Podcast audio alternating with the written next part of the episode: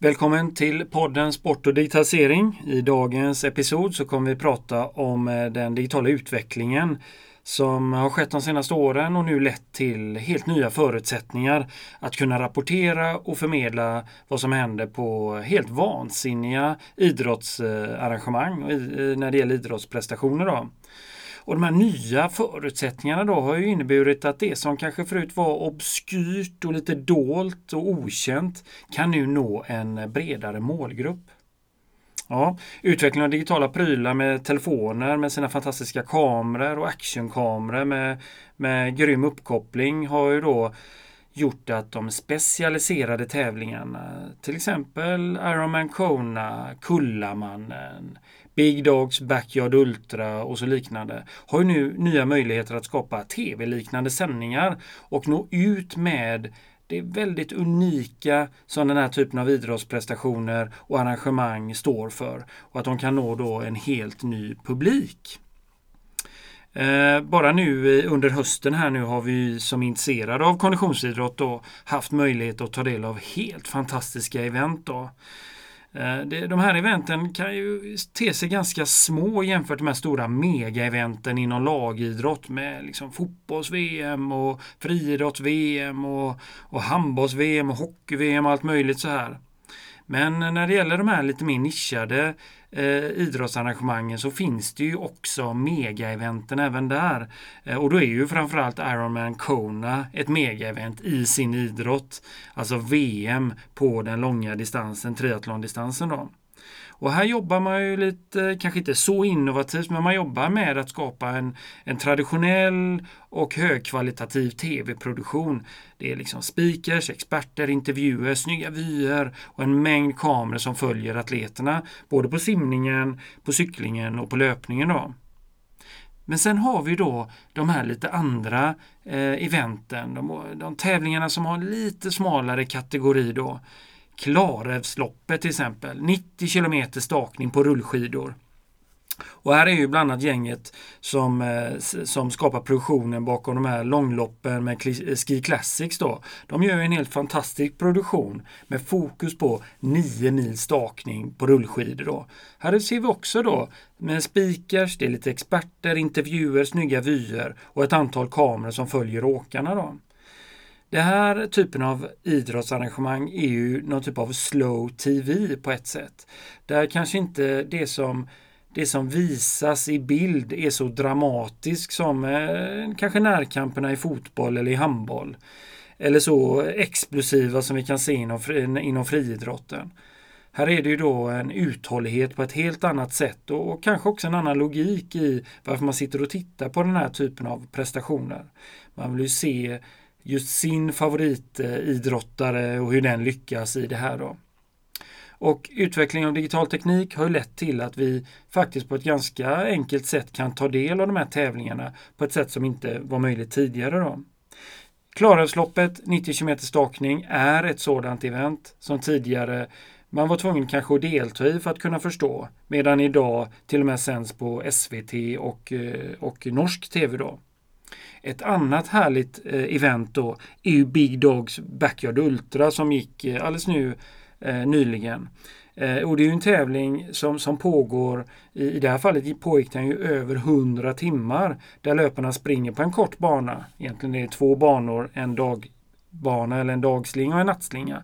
Men de springer då eh, ett varv som är eh, 6,7 kilometer långt och med start varje timme då. Och det är en utslagstävling så att den som inte hinner i mål eh, under en tim på den timmen de har på sig eh, eh får inte starta nästa gång och så vidare.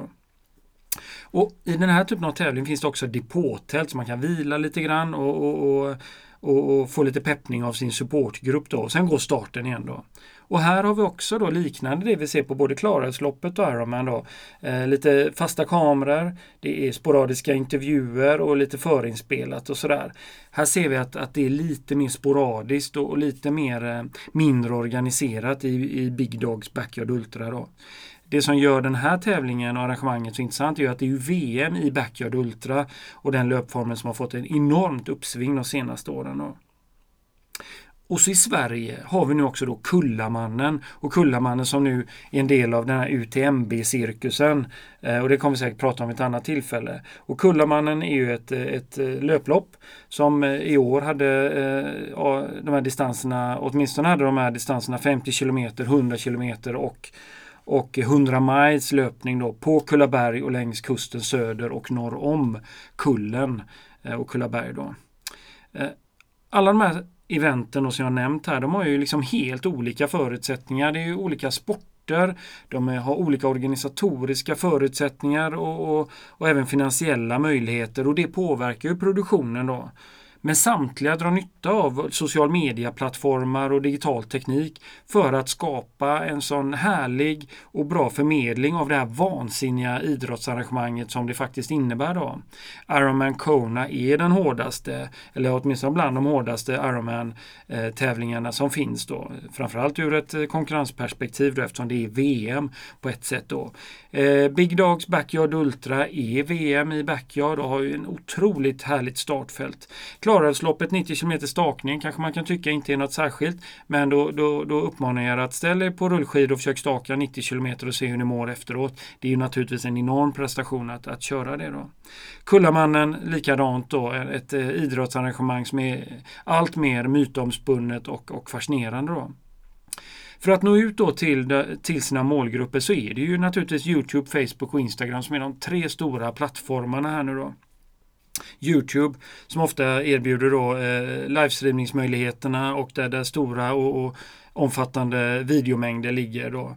Medan Instagram kanske snarare står för det här, eh, de, de här mindre uppdateringarna, de specifika uppdateringarna. Och Facebook ligger någonstans mitt emellan här eh, beroende på hur, hur arrangörerna har valt att använda sig av Facebook. Facebook kanske egentligen är, är, mer intressant både före och efter snarare än under själva tillfället då, då väldigt mycket trafiken kanske snarare går till, till, till sändningarna som finns på Youtube. Då.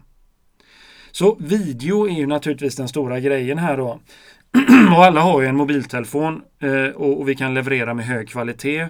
Och Det finns snabb uppkoppling och det finns actionkameror och så vidare med, hö, med hög kvalitet och, och, bra uppkoppling. Det här gör ju då att, att möjligheten att skapa tv-liknande ehm, eh, sändningar är, är, ju fantastiskt eh, eh fantastiska och det är fullt möjligt att göra det på ett väldigt bra sätt idag och skapa innehåll på olika sätt. Då. Och det vi ser med videoanvändningen det är att, att video både före loppet, under loppet och efter loppet är intressant med rapporter, reportage, intervjuer, reflektioner och naturligtvis hur man då sänder själva tävlingen. Då. Att få följa någon som då springer en viss distans, kanske på Kullamannen, där vi kan se lidandet under cyklingen eh, på, på Ironman i Kona. Att, att ta del av stakningen på Klarälvsloppet och så vidare. Då. Så det här är ju fantastiskt hur, hur vi kan med högkvalitativ video skapa en, en insikt och en känsla av att nästan vara där. Och en vilja framförallt att vara där. Och det är väl lite grann det som de här loppen eh, har insett att, att sända arrangemanget handlar inte bara om att förmedla det till en målgrupp utan också att attrahera eh, en ännu större målgrupp som vill ta del av det här vansinnet nästa gång. Då. Och här blir ju då också då kommentatorernas roll superviktig.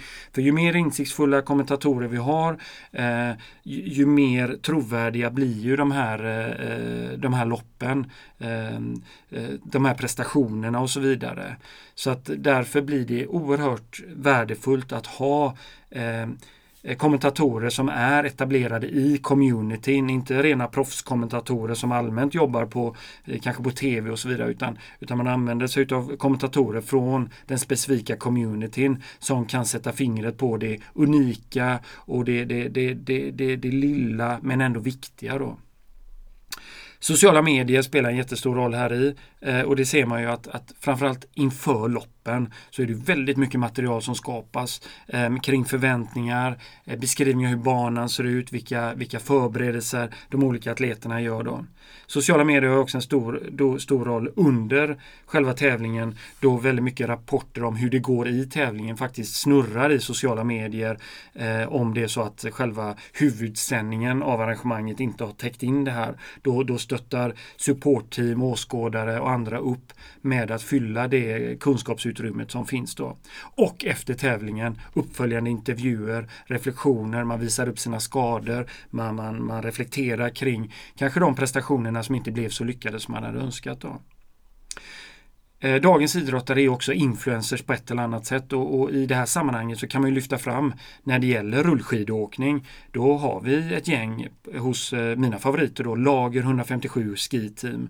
Där eh, Anton Jernberg och hans adepter eh, verkligen gör ett bra jobb i att pusha för den upplevelsen som det innebär att åka långlopp på, på, på längdskidor eh, och rullskidor faktiskt. då.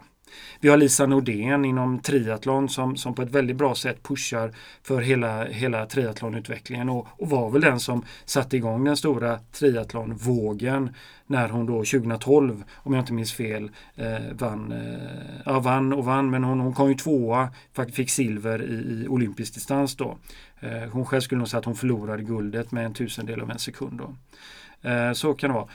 Eh, vi har ju också Tobbe Gyllenbring i, när det gäller eh, backyard ultra och långlopp eh, ultralöpning då. Eh, om man eh, vill följa eh, honom så har han då Drunk Cod heter han då på Instagram och Lisa Nordén hittar han också som Lisa Nordén 1 till exempel. Då. Sen finns ju andra influencers också, de som faktiskt är kommentatorer som driver olika communities runt det här då. Vi har Daniel Westergren på Ultraaktuellt. Och alla de här använder social media eh, för, före, under och efter tävlingar för att pusha den här upplevelsen som de här, den här idrottandet, det här vansinniga idrottandet. För det är ändå ett vansinne att hålla på med långlopps eh, eh triathlon, köra rullskidor eller längdskidor på långlopps, i långloppskupper och så vidare. Eller springa backyard ultra eller ultra i allmänhet. Då. Så det här är intressant hur de här arbetar väldigt mycket med sociala medier, skapar ett digitalt innehåll och interagerar med den communityn som de tillhör och den målgruppen som är intresserad och en del av den communityn. Då. Korta videos, stories, eh, Gärna bildsekvenser som är spektakulära. Det, det skapar en enormt driv eh, och intresse då.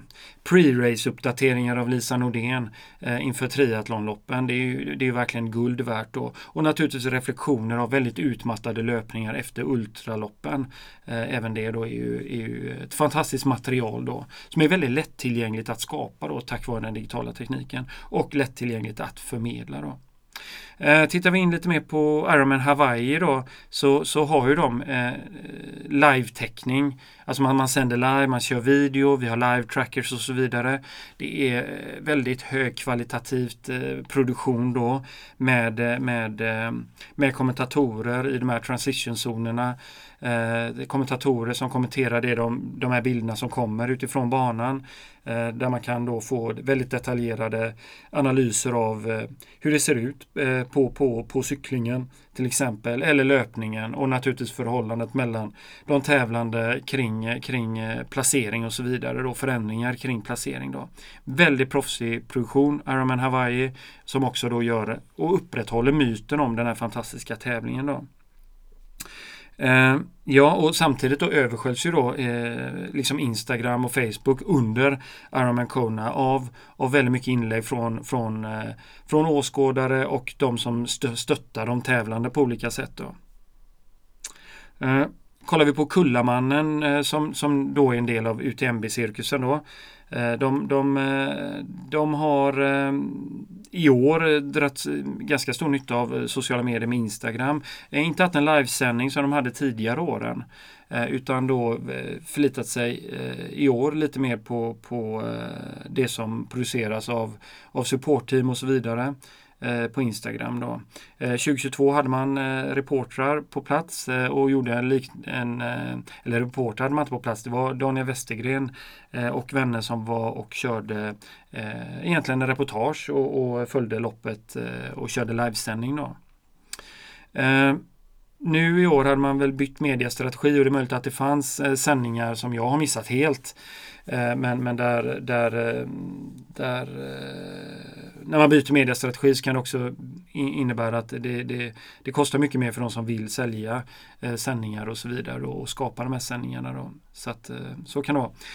Eh, i år tittar man mycket mer på en live tracker och kunde följa löparna på en karta, en interaktiv karta som hade en, en realtidsuppdatering som att man kunde följa vart det är löparna någonstans. Och framförallt, återigen, Daniel Westergren som är ute längs banan och filmar och gör små reportage och sänder detta på Instagram. Då.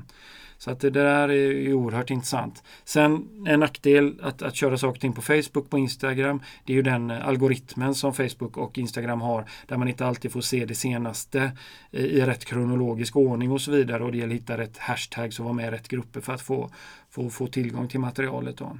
Men, men det brukar lösa sig för de som är en del av communityn så att säga. Då. En av de kanske mer intressanta bitarna i årets Kullaman var väl de här eh, intervjuerna som gjorde efter det att eh, deltagare kom i mål eller hade brutit och det blir oerhört eftertraktade och, och, eh, och eh, inslag som man ser om och om igen. Eh, så att det här är oerhört intressant. Då. Eh, på Big Dogs Backyard Ultra då, då hade man kanske inte en lika utvecklad mediestrategi. Eh, där hade man några fasta kameror. Eh, eh, på banan vid målet och vid en vändpunkt. Det fanns lite reportage in emellan och så vidare. Då. Men här har ju också då framförallt också supportteamet som stöttar sin, sin löpare eller en tävlande då, möjlighet att lägga upp betydligt mer eh, inlägg och, och material i, i social media. Då. Så till skillnad till exempel från Ironman i eh, Kona då, eh, där är det väldigt svårt att få ut information om den enskilde. För den enskilde som tävlar har inte någon kontakt med ett supportteam. Medan på Big Dogs Backyard Ultra, där har, eh, där har man ett supportteam mycket närmre atleten och då kan man skapa intressant och spännande innehåll. Då. Så att då är det liksom logiken i de olika tävlingarna som funkar på lite olika sätt och, och skapar utrymme för att, att skapa olika typer av innehåll här nu då. Eh, men vi kan väl säga att vi tar en titt på eh, och framförallt för er då så får ni lyssna på hur det kan låta ur den, eh, den sändningen som, som fanns från Big Dogs Backyard Ultra här. Vi hoppar in där och lyssnar en liten litet tag här. Här har vi då Harvey Lewis som går i mål här nu då. Man får ändå säga att videon är av hög kvalitet. Det är lite high-fives. Han stannar till här nu och, och springer in i mål här nu då. Och då har han varit igång i över 100 timmar då. Så det är ju fascinerande. Eh, I slutet här så är det en intervju som är ganska eh, fantastisk. När man omedelbart pratar med atleten här som har varit igång så länge då. Uh, and um, I, I just uh, have to pinch myself like when it's something is so difficult. Ja, och den här typen av efterintervjuer då är ju eh, är väldigt eftertraktade och uppskattade då naturligtvis eh, efter målgång då. Så att eh, ja, det, det är väldigt spännande då. Eh, vad har vi mer här nu då? Så att man kan säga att Ironman är ju, är ju en, en lång dag. Det är väl 7-8 timmar de håller på. Kullamannen är många timmar som de också håller på. Big Yards, Backyard Ultra är ju liksom dagar som de här tävlingarna pågår då. Och det är ju lite olika logik i de här, i de här tävlingarna då. De olika stora målgrupperna och resurserna är framförallt olika då. Men det intressanta är att man ser ju då en genre, ett sätt att producera material från de här tävlingarna, eh, sända video eller eh, på, på, på, olika sätt ha live-tracking av, av atleterna. Då. Så att skapa en, en, digital närvaro på olika sätt. Och här är väl kanske Ironman de som är absolut bäst på detta då. Eh, med, med, sin oerhört detaljerade teckning och, och proffsiga kommentatorer. Då. Sen kanske de inte alltid täcker in in alla atleter på ett väldigt bra sätt. Men naturligtvis Lucy Charles som vann då i damklassen på 8 timmar 24 minuter eh, och Lisa Nordén som kom nia. De syntes ju väldigt mycket i bild då, framförallt Lucy Charles. Lisa lite mindre, men ändå hon fanns med vid några tillfällen då. Eh, Sara Svensk som kom på, på plats 27 då, hon körde på 9 timmar 17 minuter. Hon syntes kanske inte riktigt lika mycket i bild som Lisa Nordén som gick in på 8 timmar och 49 minuter då. Men, men, men, samtidigt så, så, så är detta en oerhört, Ironman har en oerhört proffsig eh, eh, produktion. Men vi får se och höra väldigt lite från atleterna som sådana, förutom när de har gått i mål. Då. Men, men under tävlingen så är atleterna ganska osynliga på det sättet. De är synliga i bild, men deras upplevelser är väldigt osynliga. UTMB däremot, eh, Kullamannen UTMB då, där var, där var det ju eh, mest en live-tracking i år och den social media som Daniel Westergren producerade. Och där ute efter banan så kunde man ju få liten blick, eh, inblick i hur löparna mår och så vidare genom korta snabba intervjuer. Som gör, och det gör ju det att Daniels arbete med social media har gjort det och det, han publicerar detta på Instagram då. Det har gjort att vi kommer otroligt nära löparna då. Och det är ju fascinerande löpare det här med Jakob Åberg till exempel på, på det 100 milesloppet, alltså 16 mil. Han sprang in på 14 timmar och 59 minuter. Då. Eh, Oskar Claesson som sprang den mycket, mycket kortare eh, sprint ultra-distansen då, den, den var på 100 km eller 10 mil då. Han, han, eh, han sprang in på 7 timmar 42 minuter. Eh, och, och, och att just få den här nära eh, upplevelsen att vara väldigt nära atleterna är någonting som är, är fascinerande och, och, och som där, där där eh, denna typen av videoproduktioner och sändningar från Kullamannen eh, är, är lite speciella och, och ger en oerhört driv in till, till att, att vilja delta i ett sånt här lopp. Då. Eh, däremot Big Dogs Backyard Ultra, det är en oerhört eh, eh, extrem tävling på många sätt då. VM i Backyard Ultra. Eh, Harvey Lewis, jag nämnde här, han var ute i 108 timmar, sprang 450 miles, då 72 mil. Eh, och sen svensken Tobbe Gyllenbring, 69 timmar var han ute då, 287 miles, 46,1 mil då. Eh, här är det ju oerhört intressant då att, att egentligen se hur Big Dogs Backyard Ultra är ju en tävling som har, det är ju nästan som en arenaidrott. Det är ju en ganska litet geografiskt område man, som de här atleterna springer på då. Och det här kommer naturligtvis utvecklas över tid och vi kommer kunna komma de här atleterna ännu närmre än vad vi hittills har gjort. Då. Och eh, användningen av, av, kameror, intervjuer, eh, skicka ut det här på sociala medier och så vidare. Det kommer ju bara förstärkas under de närmaste åren eftersom eh, Eh, den här typen av förmedling av, av eventets galenskap och vansinne och den idrottsliga prestationen är så viktigt för mytbildningen och viljan att också vilja vara med i detta. Då. Anledningen att jag pratar så mycket om, om, om de här olika eh, extrema idrotterna då, de håller på i många timmar. Vi har den digitala tekniken som hjälper oss att, att kunna få ta del av den både som traditionell nästan tv-liknande sändningar men också det eh, korta insikter via social media. Då. Det, är att, det här pekar på en utveckling då. Eh, och det är att, att vi liksom på sikt kommer kunna ta del av, av de här eventsen på sätt som vi, vi kanske som kanske för oss känns lite, lite nytt nu då.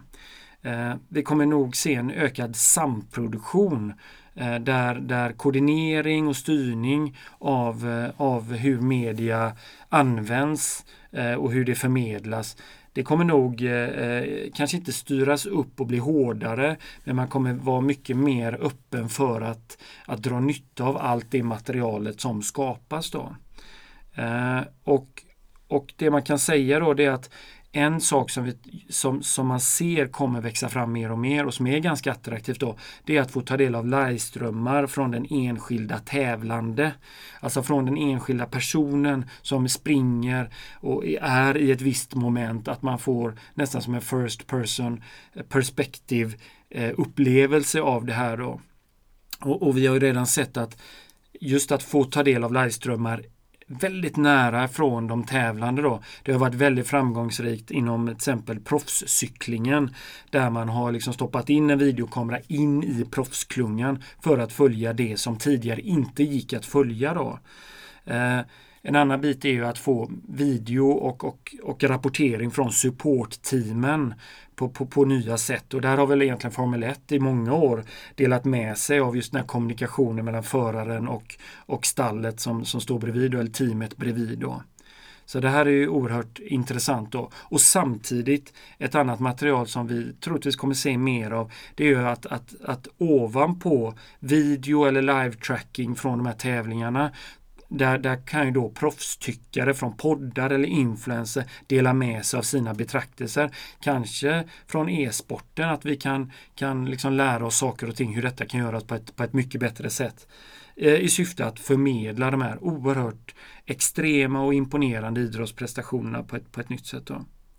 Men det är klart, utvecklingen kommer också naturligtvis skapa friktion och utmaningar och befintliga aktörer kommer försöka stänga ner antagligen hur media och material får användas. Men samtidigt öppnar det upp för nya möjligheter och nytänkande och innovation. Då.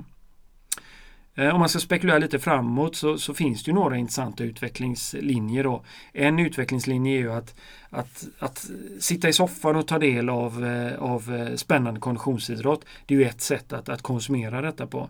Men vi kommer nog se att, att många idrottare och motionärer kommer vilja ta del av de här tävlingarna samtidigt som man själv tränar.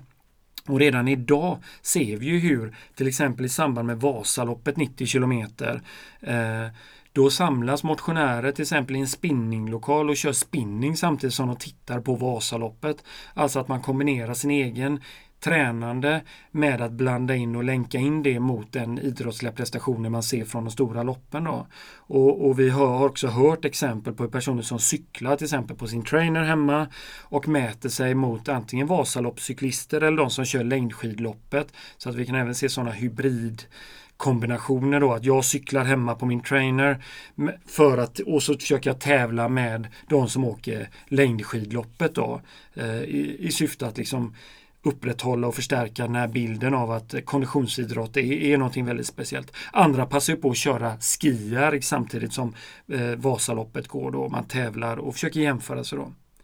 Som ni förstår så har ju virtual reality och augmented reality stora möjligheter här att skapa mycket tajtare upplevelser mellan att då ta del av ett, eh, en, en, den här typen av, av, eh, tävlingar och events och koppla det mot den upplevelsen och den situationen som jag som åskådare har hemma från soffan, hemma från garaget som man kanske har byggt om till ett, till ett gym eller träningslokal och så vidare. Så vi kommer nog se att konsumtion av konditionsidrott går ifrån soffan till löpandet och trainen och skijärgen. Då. Eh, och den här utvecklingen kommer ju då kunna skjuta, få en extra skjuts om plattformar som Swift och så liknande bygger in funktionalitet som gör att vi kan skapa den här typen av kombination mellan de fysiska och de digitala eventen. Mellan den fysiska träningen och den träningen som sker med digital teknologi. Då. Med det här så hoppas jag att vi, jag har eh, eh hjälpt er att få upp ögonen lite grann för det spännande som nu sker i väldigt nischade konditions, eh, eh, konditionsevent, olika tävlingar och hur, hur man försöker eh, eh, sända och förmedla vad som händer på de här eventsen. Eh, att det då öppnar upp för spännande tankar kring hur vi kan väva samman eh, motionären, hur den tar del av olika idrottsevenemang och så vidare inom konditionsidrotten och det själva fysiska evenemanget som de imponerande idrottarna genomför. Då. Kanske är det så att vi i framtiden, eh, och inte i en så lång framtid, från löpandet hemmavid kommer kunna mäta oss med till exempel löparna på, på Big Dogs eh, Backyard Ultra eller på Kullamannen och få mycket bättre eh, möjligheter att mappa min prestation mot den prestationen som just nu pågår i tävlingen och att vi kommer se en sammansmältning här emellan i själva eh, träning och tävlingsupplevelsen. Då. Men vi får väl se vart det här tar vägen. Eh, men med den här podden och det här avsnittet så hoppas jag att ni har fått upp ögonen för nya möjligheter och eh, lite roliga saker i den vansinniga världen kring konditionsidrott och där digitalisering naturligtvis får en allt större roll. Med det här så tackar jag för idag och eh, ja, vi hörs vid nästa tillfälle. Hej då!